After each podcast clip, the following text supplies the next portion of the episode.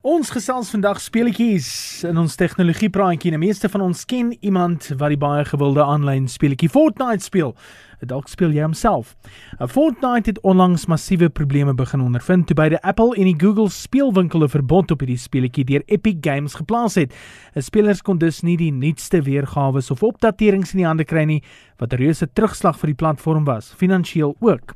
Epic Games het nou aangedui dat hulle regsaksie teen Apple gaan instel om juis Apple se teenstand teen Epic se vervaardigers stop te sit. Hulle sê dit is persoonlik.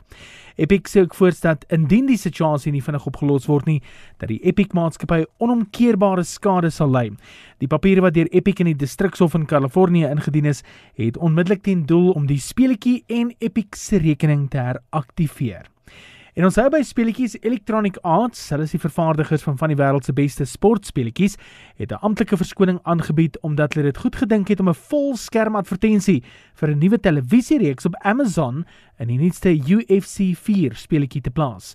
Die advertensie kom ongenooi op die skerm terwyl die speler besig is met die speletjie.